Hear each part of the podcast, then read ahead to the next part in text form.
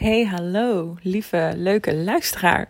Ik uh, ben op dit moment in Noordwijk en ik dacht, ik ga gewoon eens even weer een nieuwe podcastaflevering opnemen. En um, nou ja, om je meteen maar te vertellen hoe ik er op dit moment bij lig. Ik lig zelfs nog in bed. Het is echt net 7 uur s ochtends en uh, ik werd echt wakker met zo'n ja, dat heb ik al vaker. Dat ik, uh, ik was al om half zes wakker trouwens. En toen dacht ik, oké, ik wil eigenlijk wel aan het werk. Terwijl het is woensdag. En um, de woensdag is altijd mijn vrije dag.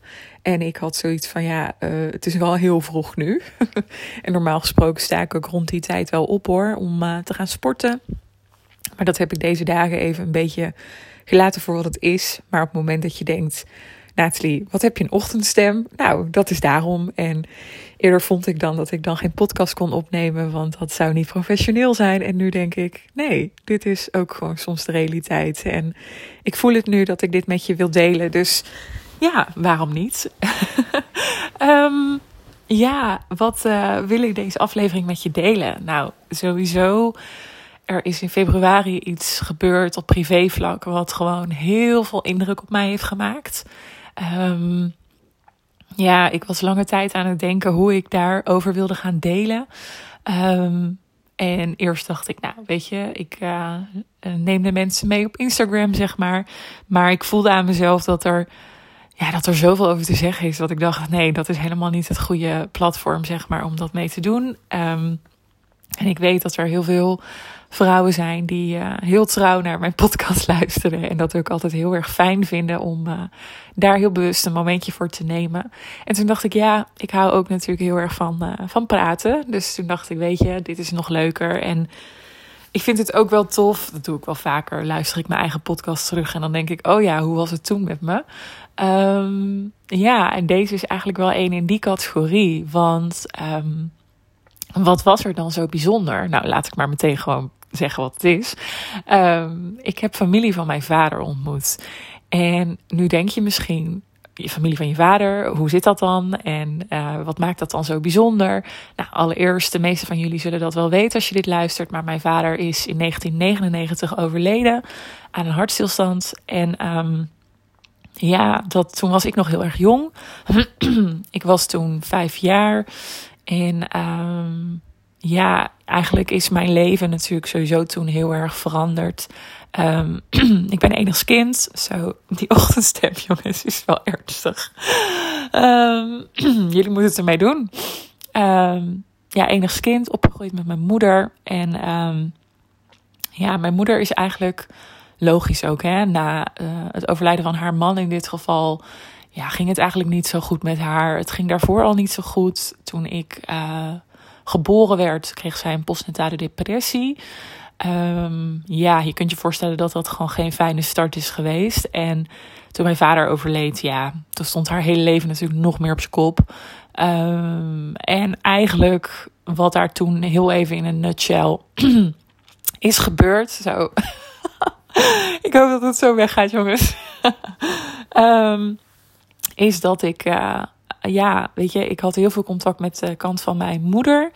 Uh, nou ja, mijn opa, daar heb ik natuurlijk ook wel vaker over gedeeld. Die uh, was dan ook de vader van mijn moeder. De opa waar ik gewoon zo gek op was. En, um, maar de kant van mijn vader, de familie van mijn vader, dat was eigenlijk best wel gecompliceerd. Omdat, ja, waarom eigenlijk? Um, ja, ik heb er eigenlijk altijd ook een soort vraagtekens bij gehad. Ik was te klein om het te snappen, maar um, zoals je vaker ziet als er mensen overlijden, als mensen in rouw zijn, dan ja, kunnen er gekke dingen gebeuren, zeg maar. Of dan komen er dingen bloot te liggen waar je in eerste instantie niet van dacht dat dat speelde of zo. Dat heb ik zelf inmiddels ook wel ervaren in mijn volwassen leven. Maar toen ik zo klein was, ja, weet je, het was voor mij, ik wist niet echt beter dan dat ik een zieke moeder had. Um, en een dode vader. en nu zeg ik het lachend, maar het is natuurlijk super verdrietig. Um, maar uh, ja, vanaf dat moment ben ik eigenlijk vooral opgegroeid met, nou ja, deels met mijn moeder, maar ook met uh, mijn opa en de familie van mama. En het contact met de familie van papa was er volgens mij na zijn dood dus nog maar heel kort, omdat mijn moeder daar, nou ja, allerlei, er gebeurden allerlei dingen. En laat ik het zo zeggen, volgens mij liep het gewoon niet zo heel lekker tussen haar en de rest, om het maar zo te zeggen.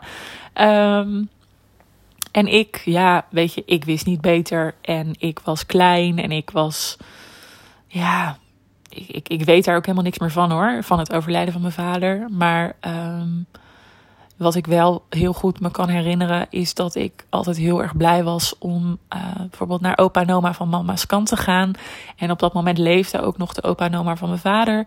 Of ja, de ouders van mijn vader. Maar daar ja, vond ik altijd lastig. En misschien was dat ook wel omdat ik toch als kind heel erg heb gevoeld dat mijn vader er niet meer was. Want hij nam mij wel altijd mee, zeg maar, naar zijn ouders.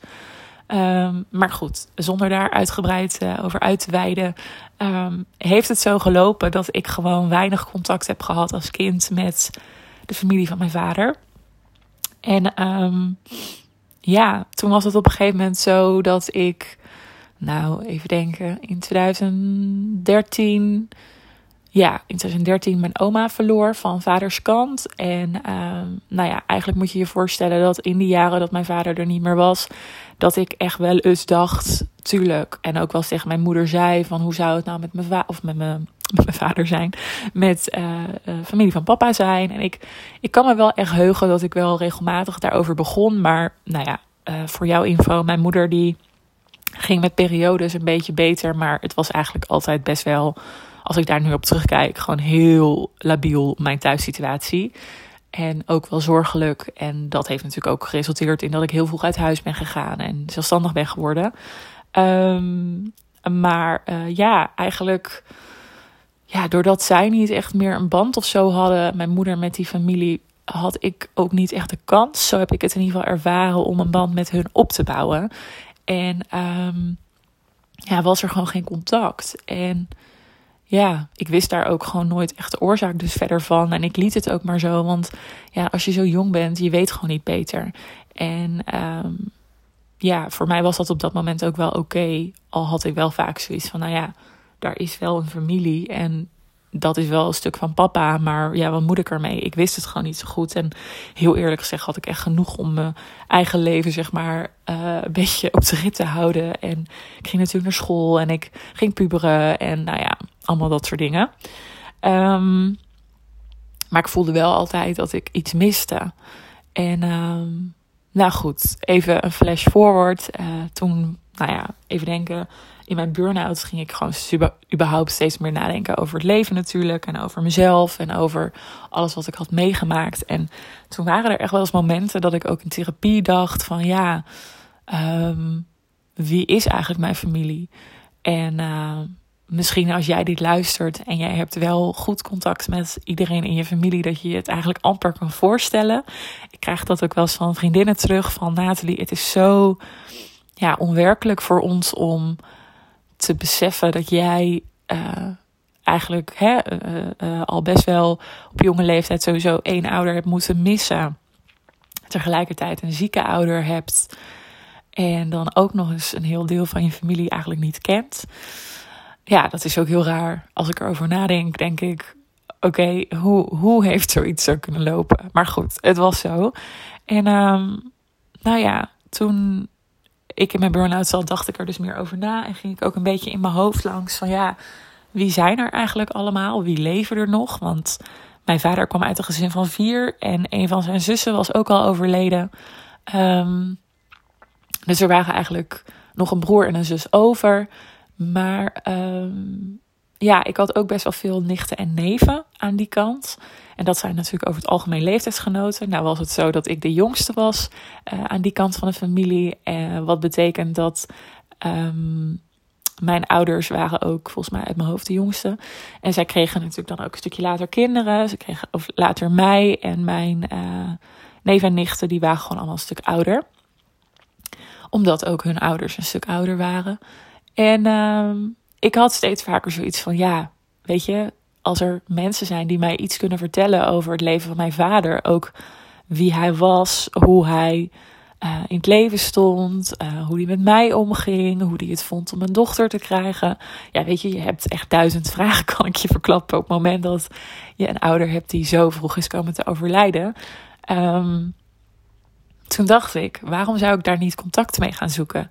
Maar ik moet je zeggen dat ehm, ook in die periode, ik was zo met mezelf aan het worstelen en ik, ja, in die burn-out ging het gewoon zo slecht met mij dat het toen ook niet per se het moment was om contact op te nemen, want daar voelde ik me veel te kwetsbaar voor.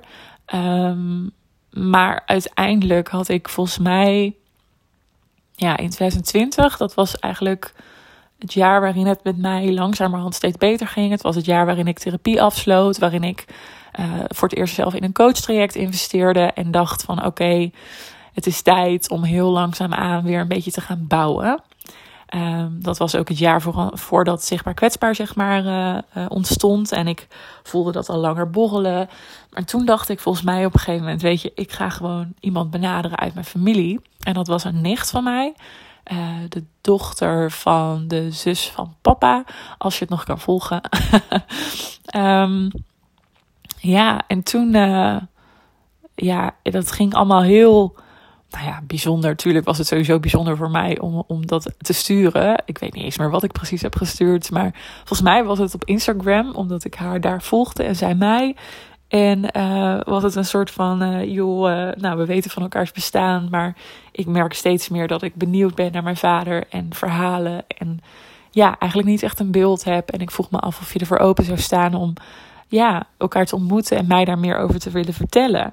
Nou, ik kreeg meteen een super lief berichtje dat ze dat wel wilde en dat ze haar broer daar ook bij wilde vragen, mijn neef. En nou ja, lang verhaal kort, dit gaat over oktober 2002, of 2020.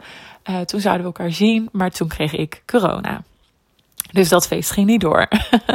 en eigenlijk de periode daarna belanden we natuurlijk ook in de ene naar de andere lockdown. En toen merkten we gewoon allebei dat het even niet lukte. Uh, ja, lang verhaal kort is dat we elkaar uiteindelijk dus nu in uh, februari van dit jaar hebben gezien. Uh, is even wat tijd overheen gegaan, was ook helemaal oké. Um, en ja, wat kan ik erover zeggen, jongens? Het is echt holy shit. ik had zeg maar, uh, nou ja, om je heel even mee te nemen in mijn verhaal, in mijn proces. Ik ging er heel open in. Ik ging er heel, ja eigenlijk bijna zonder verwachtingen in. Omdat ik dacht, het enige doel wat ik eigenlijk had was um, ja, verhalen over mijn vader uh, mogen horen, mogen ontvangen. Um, over wie hij was en uh, wat zij over kwijt wilde ook vooral. Want ja, ik kan me ook voorstellen als er ineens een nichtje aanklopt waar je eigenlijk, nou ja, zelden contact mee hebt gehad. Uh, ja, dat je dan denkt, wat moeten we hiermee? maar goed, dat is allemaal aannames natuurlijk. Uh, ik wist gewoon ook niet hoe zij op mij zouden reageren. Ik ben natuurlijk wel de dochter van hun oom.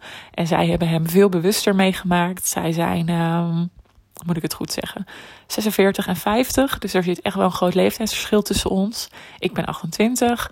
Dus ja, reken maar uit. Zij hebben hem veel bewuster meegemaakt dan ik. Ook veel meer herinneringen.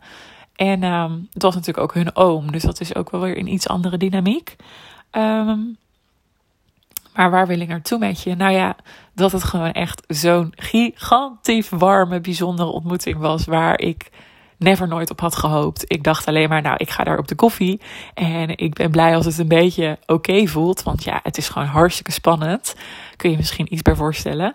Um, ja, maar ik werd zo warm onthaald. En het was ja, het klinkt echt bijna onwerkelijk. Ik heb ook nog steeds, als ik erover praat, ook met vriendinnen, dat voelt een beetje als een droom die uitkomt. En ik geloof wel dat er meer is tussen hemel en aarde. Wat precies weet ik niet. Maar soms denk ik, die oude daarboven, die heeft hier gewoon invloed op gehad. Um, ja, om het maar zo te zeggen, ik kwam daar en uh, de partner van uh, mijn neef was er ook bij. En we hebben echt met z'n vieren ja, hebben we zo, zo mooie, bijzondere middag gehad. Het regende echt super hard de hele dag. Het leek wel alsof de hemel aan het huilen was, zeg maar.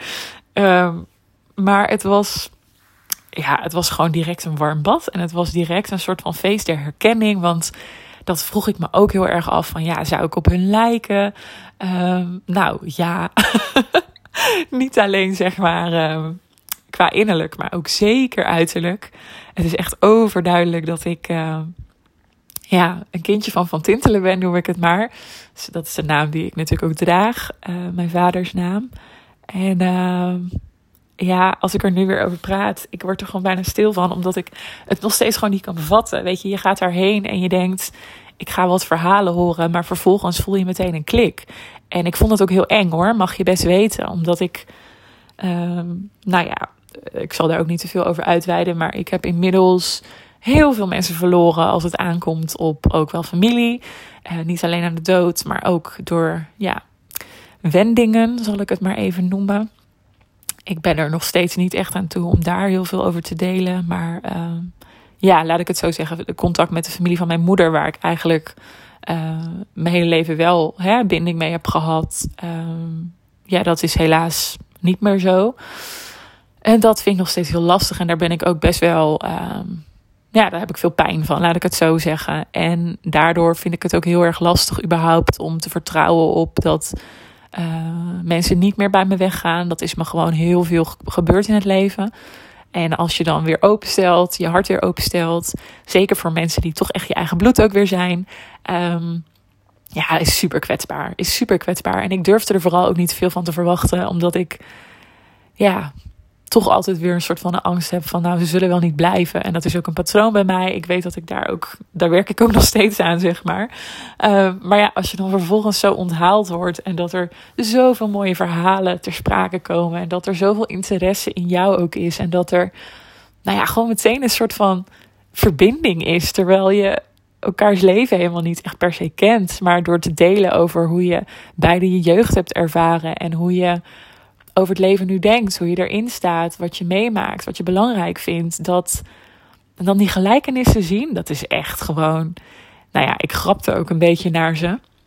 Het voelt eigenlijk een beetje alsof ik op een eerste date ben met jullie. En uh, nou goed, aan het einde van de middag, toen had ik ook gewoon echt zo sterk het gevoel van: holy shit, ik wil hier meer van. Maar ja, geldt dit ook voor hun? Weet je, dat, dat gaat bij mij dan meteen aan. Dat ik dan denk: ja, weet ik eigenlijk helemaal niet. En dadelijk hebben zij zoiets van, nou weet je, we vonden het leuk om je een keer te zien, maar dat is het wel. en weet je, als dat zo was geweest, was het ook helemaal goed, hè? Ik bedoel, ja, het enige doel voor mij was gewoon dichter bij mijn vader komen en meer over hem uh, te weten komen. Maar dat het dan zou resulteren in, um, ja, ineens voelen dat je er drie mensen bij hebt in je leven die zo dicht verbonden zijn met dat stukje van mij wat ik eigenlijk nooit heb leren kennen. Ja, dat, ik kan dat echt oprecht niet in woorden uitdrukken hoe speciaal dat voelt. Echt niet. Het is, um, ja, wat zal ik zeggen? Het is oprecht een van de mooiste dagen uit mijn leven geweest. En ik heb veel bijzondere dingen meegemaakt. Maar dit, dit, uh, ja, ik heb er echt geen woord voor. Het is zo speciaal om te voelen dat je uh, vanzelfsprekend bijna gewoon elkaar begrijpt en aanvoelt. En het was voor mij ook heel speciaal om te ervaren dat emoties er konden zijn. Dat is echt wel iets wat ik niet zo heel erg gewend ben.